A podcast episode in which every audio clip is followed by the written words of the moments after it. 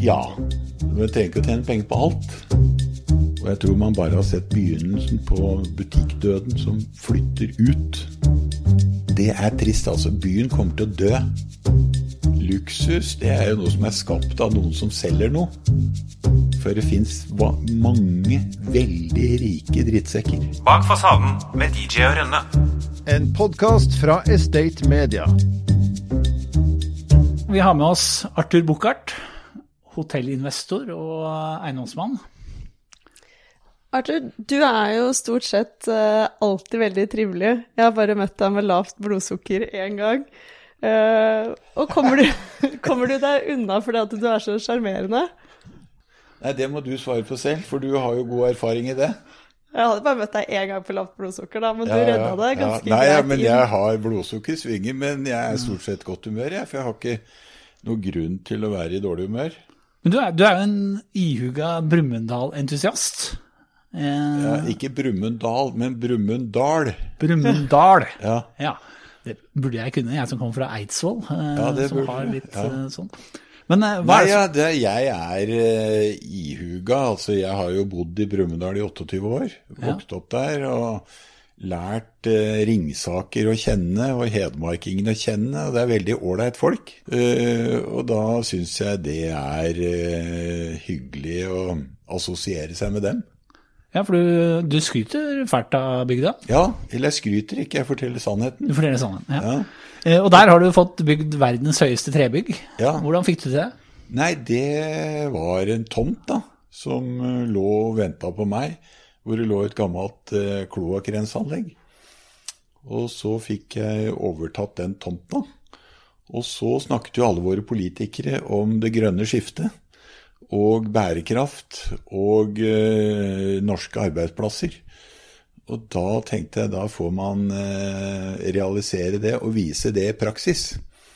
For eh, Ringsaker kommune, altså som ligger mellom Hamar og Lillehammer, det er den kommunen som kan mest om trekomponenter og treteknisk industri. Derfor var det naturlig å bygge det der. Mm. Har det vært en suksess, da? Ja, faktisk. Nå har vi jo bygd snart over 40 000 kvadratmeter. Og det er hotell, og det er kontor, og det er boliger og diverse. Uh, tjener jo ikke penger på det, men det var ikke meninga. Uh, så det er et eksempel da, uh, på det grønne skiftet i praksis. Og et eksempel til etterfølgelse. Og når man viser det, så er det ikke noe grunn til å si at det går ikke. Nei. For det er eksempel på at det går. Men de fleste andre må vel tjene penger også? Ja. Men trenger ikke å tjene penger på alt. Nei. Så, jo... Men går det egentlig da? Nei, altså hvis man ikke tjener penger på noe, da går det dårlig. Men hvis du tjener penger på mye, og lite på ett, da går det bra. Mm. Og det gjelder jo oss alle. Altså vi Når vi blir kasta jord på, så er det ingen som blir husket fordi de tjente mye. Man blir husket for det man gjorde, om man var en drittsekk eller et godt menneske. Hva tror du at du kommer til å bli husket for? Nei, Det vet da foglarna. Jeg får ikke høre på hva de husker om meg, da. Men det er viktig det å lage noe utafor akkurat det regnskapsmessig. Og det regnskapet, det er et verdiregnskap, og det er et livsregnskap. Så hvis man bare er opptatt penger og gods og gull, så blir det ettermælet veldig tynt, altså. Mm. Og derfor er det i Brumunddal og Innlandet og Mjøstårnet og alt dette her veldig viktig i en større sammenheng. Så jeg oppfordrer jo mange flere til å tjene litt mindre penger og tenke litt mer miljø, litt mer bærekraft, litt mer norske arbeidsplasser, litt sysselsetting. For da um, blir det bedre å leve i Norge. For nå importerer vi veldig mye. Og det blir lite av, uh, av norsk sysselsetting. Mm. Og så blir uh, miljøavtrykket og CO2-avtrykket altfor høyt. Har det vært, var det mye motstand mot planene? Nei. Ikke noe? Nei. Så det er, det er i Hamar du får motstanden? Har ikke motstand der heller, har du ikke hatt noe motstand mot uh, hotellplaner der? Nei. mener jeg har uh, Ja, det var noen som ikke likte at jeg fikk en tomt som de trodde at de skulle få. Ja. Ikke noe annet. Men motstand, det er jo krydder i livet. Så hvis man prøvde å jobbe uten motstand, da burde man jo bli et eller annet i det offentlige eller i media. Hvis du jobber i media, da blir du aldri kritisert for noe. Det er sant. Kanskje Dag Jørgen og jeg at vi får litt lite kritikk. Vi får vel noen misfornøyde telefoner innimellom. Det er, det er Ja, dere kan jo skrive et eller annet, og så er det noen som er misfornøyd, men det er jo ingen som kritiserer en journalist. Nei. For en journalist summerer eh, to pluss to pluss to til fire og en halv, så er det ingen som reagerer. Så øh, hvis du da blir journalist eller jobber i media, så er du unntatt kritikk. Du har jo ikke, e-post. e-post. Hvorfor har du ikke det? Trenger ikke. Men, hvor, men, Men jeg bruker trenger ikke lange underbukser heller. For jeg trenger ikke. Så det er litt sånn samme sak. Altså man skal jo ikke omgi seg med ting man ikke trenger. Så og jeg får gjort det jeg skal, jeg. Og alle får tak i meg. Eh, og hva jeg da eventuelt går glipp av, det veit jeg jo ikke. Men hva, hva er det du da bruker pengene dine på? Hva jeg bruker penger på? Ja, hvis, Nei, det er jo mat og hus og generelt regninger. Og klær trenger jeg. For du er ikke noe sånn luksusdyr. Nei, tror ikke det. nei. Men jeg unner meg jo det jeg ønsker meg og trenger. Så jeg er veldig jålete på mm, ski, sykkel. Og jeg handler mye på salg og mm, passer på å unne meg det jeg trenger. Eh, Så er det også ålreit å gjøre ting for andre som, eh, som kanskje koster penger, men som gir mye mer tilbake enn eh, såkalt luksus. Og hva er luksus? Luksus det er jo noe som er skapt av noen som selger noe. Og eh, hvis du lager en væske da, som koster f.eks. 47 kroner å lage, og klarer å selge den for 4007, da er det jo god kremmer. Er sånn Men luksusen er jo bare i hva det merkevarebyggeren har klart å bygge, ikke kostnaden. Er det litt sånn dere tenker når dere bygger eh, hotell? Nei, vi tenker ikke luksus. Vi tenker kvalitet. Ja. Og kvalitet koster. Så hvis den veska da hadde kostet 4001 å lage, så hadde det vært en sammenheng mellom luksusen og prisen. Eh, Så dette med keiserens nye klær, det er en egen vitenskap som ikke er bærekraftig. For man blir gjennomskua, altså, hvis det ikke står et forhold mellom kvalitet og pris. Brekkhus advokatfirma rådgir norske og internasjonale kunder innen en rekke sektorer. Våre eiendomsadvokater kjenner eiendomsbransjens muligheter og utfordringer, og bistår ulike aktører i utviklingsprosjekter, transaksjoner, megling, utleie og tvisteløsning. Vil du høre mer? Kontakt oss på post at breikhus.no. Eh, Jeg har hørt at du har kontoret i bilen. Ja, eller jeg har ikke kontor, jeg. Du har ikke Ok. Jeg har i lomma, Ja. og stort sett der jeg er. Så jeg er relativt mobil. Du er ganske moderne da, akkurat når det kommer til den Ja, for meg har det vært pandemi i 30-40 år. Og jeg håper den kommer til å fortsette. Men jeg har funnet min form. Jeg tror jeg hadde siste kontoret jeg hadde, det var i 1985. For da hadde jeg mange ansatte osv. Men etter det har jeg ikke hatt noe fast pult. Og det har fungert, det. Men apropos ansatte, for eh, nå så er det vel bare Anders og et par til, eller? Ja. ja Altfor mange. Hvordan, eh, hvordan går det for de da? De har vel et, de Ja, har et de kontor. Har kontor. Ja, Og mail. ja. Uh, det går bra, det. Så de liksom tar ansvaret for deg da, egentlig? Nei, det gjør de ikke. Jeg, jeg tar ansvar for meg sjøl, jeg. Så jeg bare gjør det jeg tror er riktig. Ja. Og så ringer jeg folk, da. Jeg er veldig flink til å ringe. Og da gjør jeg avtaler. Og så skriver jeg Jeg skriver jo på papir og blyant, og så tar jeg bilde av det, og så sender jeg SMS. Ja. Eh, Brevdue har jeg ikke begynt med. Men det funker. Og så har jeg en på Hamar. Før var det Anneline, nå er det en som heter Gard. Han eh, skriver veldig fort på PC, og han har mail. Så da sender vi det, da. Dit det trengs. Ja. Så jeg er veldig muntlig, og veldig tydelig, og veldig enkel. Så det blir ikke noen misforståelser? Når du... Nei, det gjør det ikke. Nei. Men apropos bil, hva syns du om bilfritt byliv? Nei, det er trist. Det er trist, altså. Byen kommer til å dø.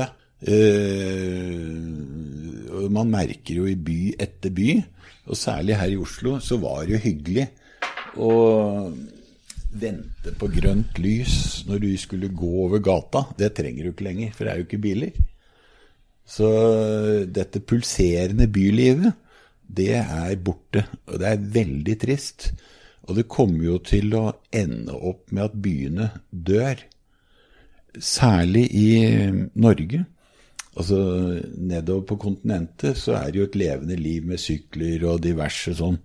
Men det passer jo i Oslo bare 70 dager i året.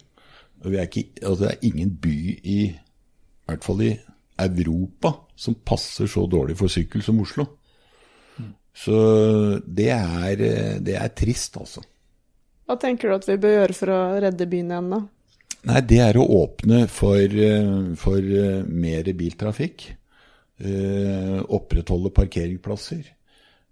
Kan godt begrense i forhold til bensinbiler og dieselbiler og sånt noe. Men å legge til rette for et samliv mellom gående, syklende og bilene, og kollektivtransport eh, Så er ikke jeg spesialist på det der, men man kan eh, se på byen hvor det er helt dødt, altså. Og jeg tror man bare har sett begynnelsen på butikkdøden som flytter ut. Og dette vil også akselerere dette med salg på nett. Og yngre generasjoner eh, kommer jo ikke til å gå til byen for å handle. De handler på nett og får i posten. Så eh, det tror jeg er en uh, utvikling som ikke kommer til å snu, men det kommer til å forandre den gamle byen. Det blir jo bare bare restauranter og hoteller. Da. Ja, og bitte lite grann sånne eh, gallerier og spesielle butikker for spesielle interesserte. Men dette er ikke noe nytt.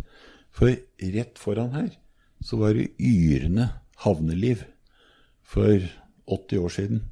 Havnelageret som ligger der nede, det var Norges største bygning.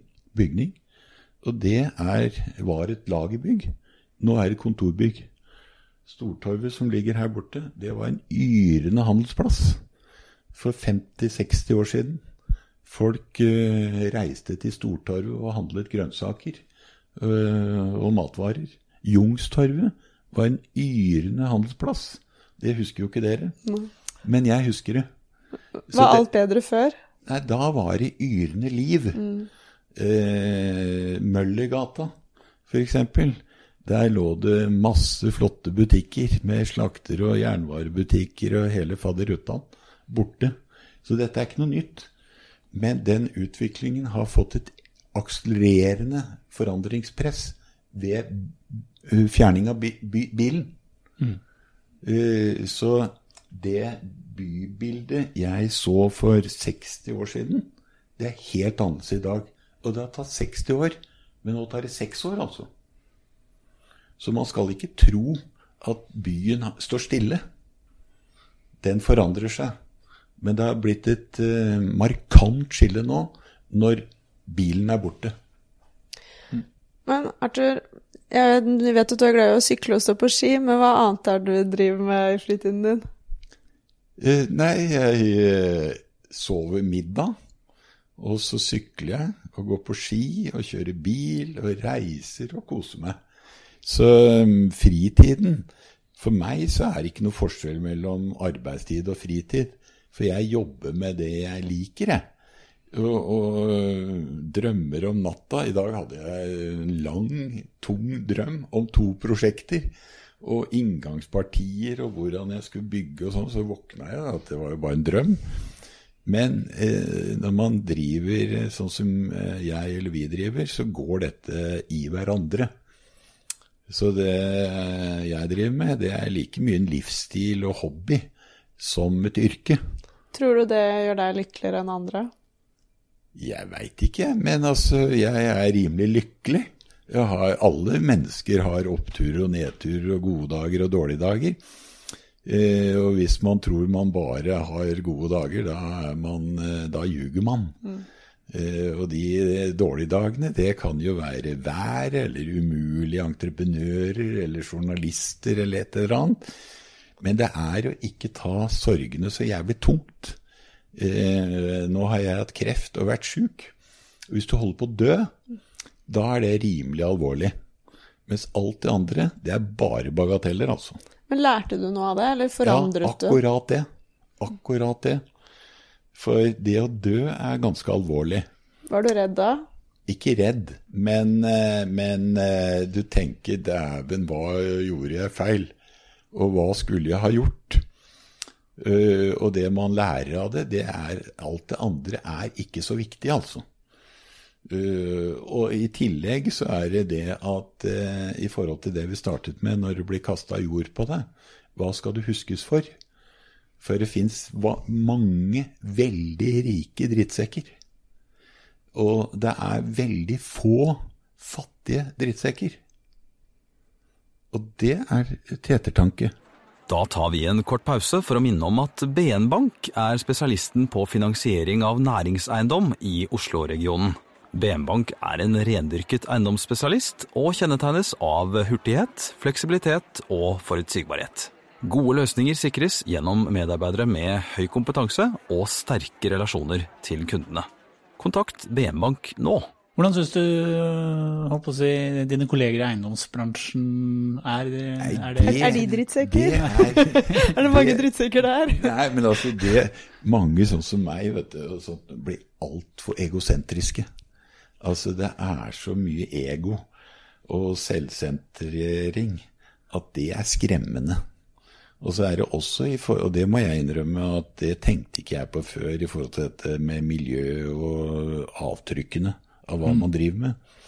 Men det er altfor lite tanke på, på hva vi bygger, og hvordan det skapes, og hvilke spor det setter igjen etter seg. Og det tror jeg også kommer til å være en revolusjon nå i løpet av noen år. At når myndighetene våkner og får dette på agendaen, så kommer det til å bli stilt like store krav til bygg som til biler. For 15 år siden så visste jeg ikke hva CO2-avtrykk på en bil var. jeg. Uh, nå er det det første man ser på. Uh, I dag så er det ingen som er opptatt av CO2-avtrykk på et bygg, selv ikke Enova. Og uh, om 15 år så er det hovedfokus. Hva er CO2-avtrykket på dette bygget? Hvis du hadde vært statsminister, hvordan hadde landet sett ut da? Nei, da hadde det sett ut at eh, staten var mye mer kostnadseffektiv. Og ikke så tungt administrert og forenklet. Nå er det eh, i store deler av landet eh, 60% offentlig ansatte. Og det offentlige byråkrati er veldig kostnadskrevende, veldig fordyrende, veldig forsinkende, uten at det kommer noe godt ut av det. Eh, Den største risikoen ved å forenkle, forenkle det offentlige Norge, det er jo arbeidsledighet. For veldig mange hadde blitt arbeidsløse. Det er det ene. Og så hadde jeg lagd et helsevesen eh, som var pasientretta. Og så hadde jeg lagd et sykehusmønster som også var mye enklere byråkratisk. Eh, men vi har verdens beste sykepleiere, hjelpepleiere og leger. Men eh, som rammes av eh, ineffektivitet og byråkrati. Og så hadde jeg fjerna eh, helseforetaksmodellen. Og så hadde jeg fjerna prissystemet for kalkyler av, eh, og behandlingsprosesser. Eh, da skal jeg fortsette med Ja, du, du er, vi har stilt et spørsmål der til flere, det er aldri noen som har svart så detaljert. Så det her, er det her noe du har tenkt på? Ja, jeg har tenkt på det. eh, For jeg kjenner litt til hvordan byråkratiet forsinker og fordyrer, og hvordan helsevesenet er ineffektivt, ineffektivt med flinke folk. Og dette kan du ta på område etter område. Nå så jeg at det var et selskap her som het Entur, uh, som selger jernbanebilletter, holder til dette kontorbygget her. Og denne jernbanereformen nå, du må være politiker eller halvt idiot for å finne på det, vet du. Så nå er det ett selskap som selger billetter. Og så er det avhengig av hvem som fallbyr mest, hvem som skal kjøre på toget. Og så har du Bane Nor som har skinnene og signalanlegg. Og så har du selskap som vil ha vognene. Jeg skjønner ikke at de kommer på det engang. Ja. Her hører du noen av de 3500 ansatte som jobber i For Service. Menneskene er vår viktigste ressurs og suksessfaktor. Så når For Service er opptatt av bærekraft, handler det også om den sosiale delen menneskene. Gjennom rekruttering, nye arbeidsplasser, kompetanseheving og riktige samarbeidspartnere jobber For Service for å gi muligheter til mennesker. Også de som i dag står utenfor. Alle må starte et sted. Les mer på forservice.no. Hvis du hadde vært ung i dag, ja. ja. hva hadde du syntes vært mest liksom, utfordrende da, og, liksom, med tanke på samfunnet?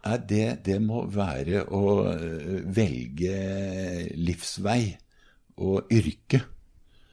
For eh, der er det en blanding da, mellom hva som er bra for deg, og hva som er bra for omverdenen, og hva jeg skal leve av, og hva som er spennende.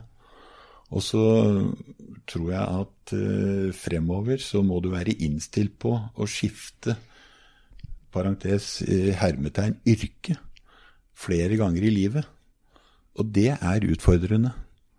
Så da tror jeg det er bra med en sånn brei kunnskapsbase, hvor du kan litt om mye istedenfor mye om litt. Hvis vi går litt tilbake til tid, så du har jo vært gift med Wenche Myhre. Har jeg? Så da kunne man jo spørre hva gjorde du da du ble 66? Du trappa jo ikke ned. Eh, nei, og livet hadde begynt lenge før det. Ja. Ja da. Nei, så det Det Jeg lever livet, jeg. Akkurat som jeg har gjort i alle år, og kommer til å fortsette med det. Inntil døden eh, skiller oss ad. Eh, men det igjen, det er at dere er jo unge og lovende og tar helse for gitt. Eh, hvis, eh, hvis jeg ser 30 år tilbake, så var, er ikke det lenge siden. Nei. Det er ikke lenge siden. Men hvis jeg ser 30 år frem, da er jeg død.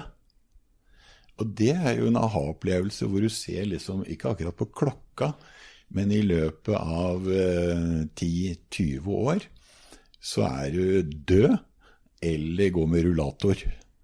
Og Er det litt skremmende? Nei. Altså hvis du dør, det er ikke skremmende. Men det å bli handikappet og ufør eller hjelpetrengende, det er skremmende. Og det tenkte ikke jeg på for 20 år siden. Jeg tenker ikke mye på det nå heller. Men det er en dimensjon som innhenter deg, altså. Men blir du ikke litt sånn at hvis du tenker at eh, du er død om 20 år, da jeg tenker, Er det ikke sånn åh, at masse du har lyst til å gjøre, eller føler du at du har på en måte Nei, gjort altså, alt? Jeg kjøper kanelbuller når det passer meg. Ja? Og jeg kjører eller reiser dit det passer meg. Men man må bare innse at dette tar slutt en gang, altså. Hva er det som, det driver, syns jeg er for jævlig, ja. egentlig. hva er det som driver deg? Uh, ja, det er jo å ha et uh, utfordringer, motstand. Eh, gjerne neier. Eh, for det er jævlig kjedelig hvis du ikke får noe nei. Eh, og så er det å få til ting som er eh, bra for de som bruker det, og for de som omgir seg i det. Og for de som jobber og leverer varer og tjenester og Du vet, et bygg, det står i 100-150 år. Og folk kan bruke det i 100-150 år. Og det at folk trives i det, det betyr noe. Men har det, er det, har det vært liksom viktig for deg at nå har du liksom en stor stolthet da i Brumunddalen? Eh, litt sånn som Ringnes også, som har denne parken sin. Er det liksom viktig at det skal være noe der Nei, nei, etter nei, deg? Sånn nei, at alle nei. skal bare liksom Du, det «Å, viktigste bukkert». Nei da. Det viktigste jeg har gjort, det er å skape Prøysenhuset. Som ligger mellom Brumunddal og Moelv. Jeg har vært der. Har du det? Ja. Det Der ligger mat det en sånn glassgreie der, og så står det der hvem som fikk det til. Og eh, det er jo også sånn i forhold til f.eks. Alf Prøysen, som kommer til å leve evig. Og som var en eh, sosial eh, politiker mellom linjene. Og da skjønner man hvor liten man er, og hvor fort man blir glemt. Eh, og jeg kan ramse opp eh, 20 navn som var sentrale i norsk næringsliv for 30 år siden. Og dere har aldri hørt om dem. Men da var de på første side i alle aviser. Og de er helt glemt. Hvis du spør eh, Anders hva som er best, og hva som er verst med å jobbe med faren sin, hva tror du han sier da? Best, det er at han eh, gjør som jeg sier. Og, Du tror han syns det er best, eller Ja. er det for deg? Nei, han, siden du spurte han. Ja. Nei, det er at eh, jeg gjør som han sier, da. Og det verste, det er vel at han sier at eh, jeg gjør som han sier. Men gjør du som han sier? Absolutt alt. Men vi, vet du, vi jobber jo hver for oss. For han driver med sitt, sånn og sånn og sånn. Og så driver jeg med mitt, sånn og sånn og sånn. Og du legger deg ikke oppi hva han driver med? Overhodet ikke. Og heller ikke han. Så han ber meg på de Og vi har jo styremøter hver dag, men vi har jo heller eh, ikke Eller vi har aldri styremøter. Han forteller meg litt. I stad så hadde han vært i Larvik og sånn og sånn. Og så fortalte jeg litt hva jeg hadde gjort i dag, og sånn holder vi oss løpende orientert, da. Men han spør jo meg aldri om vi skal det eller det, og det gjør ikke jeg med han heller. Men Mm. har dere fått et veldig tett og nært forhold fordi at dere jobber sammen?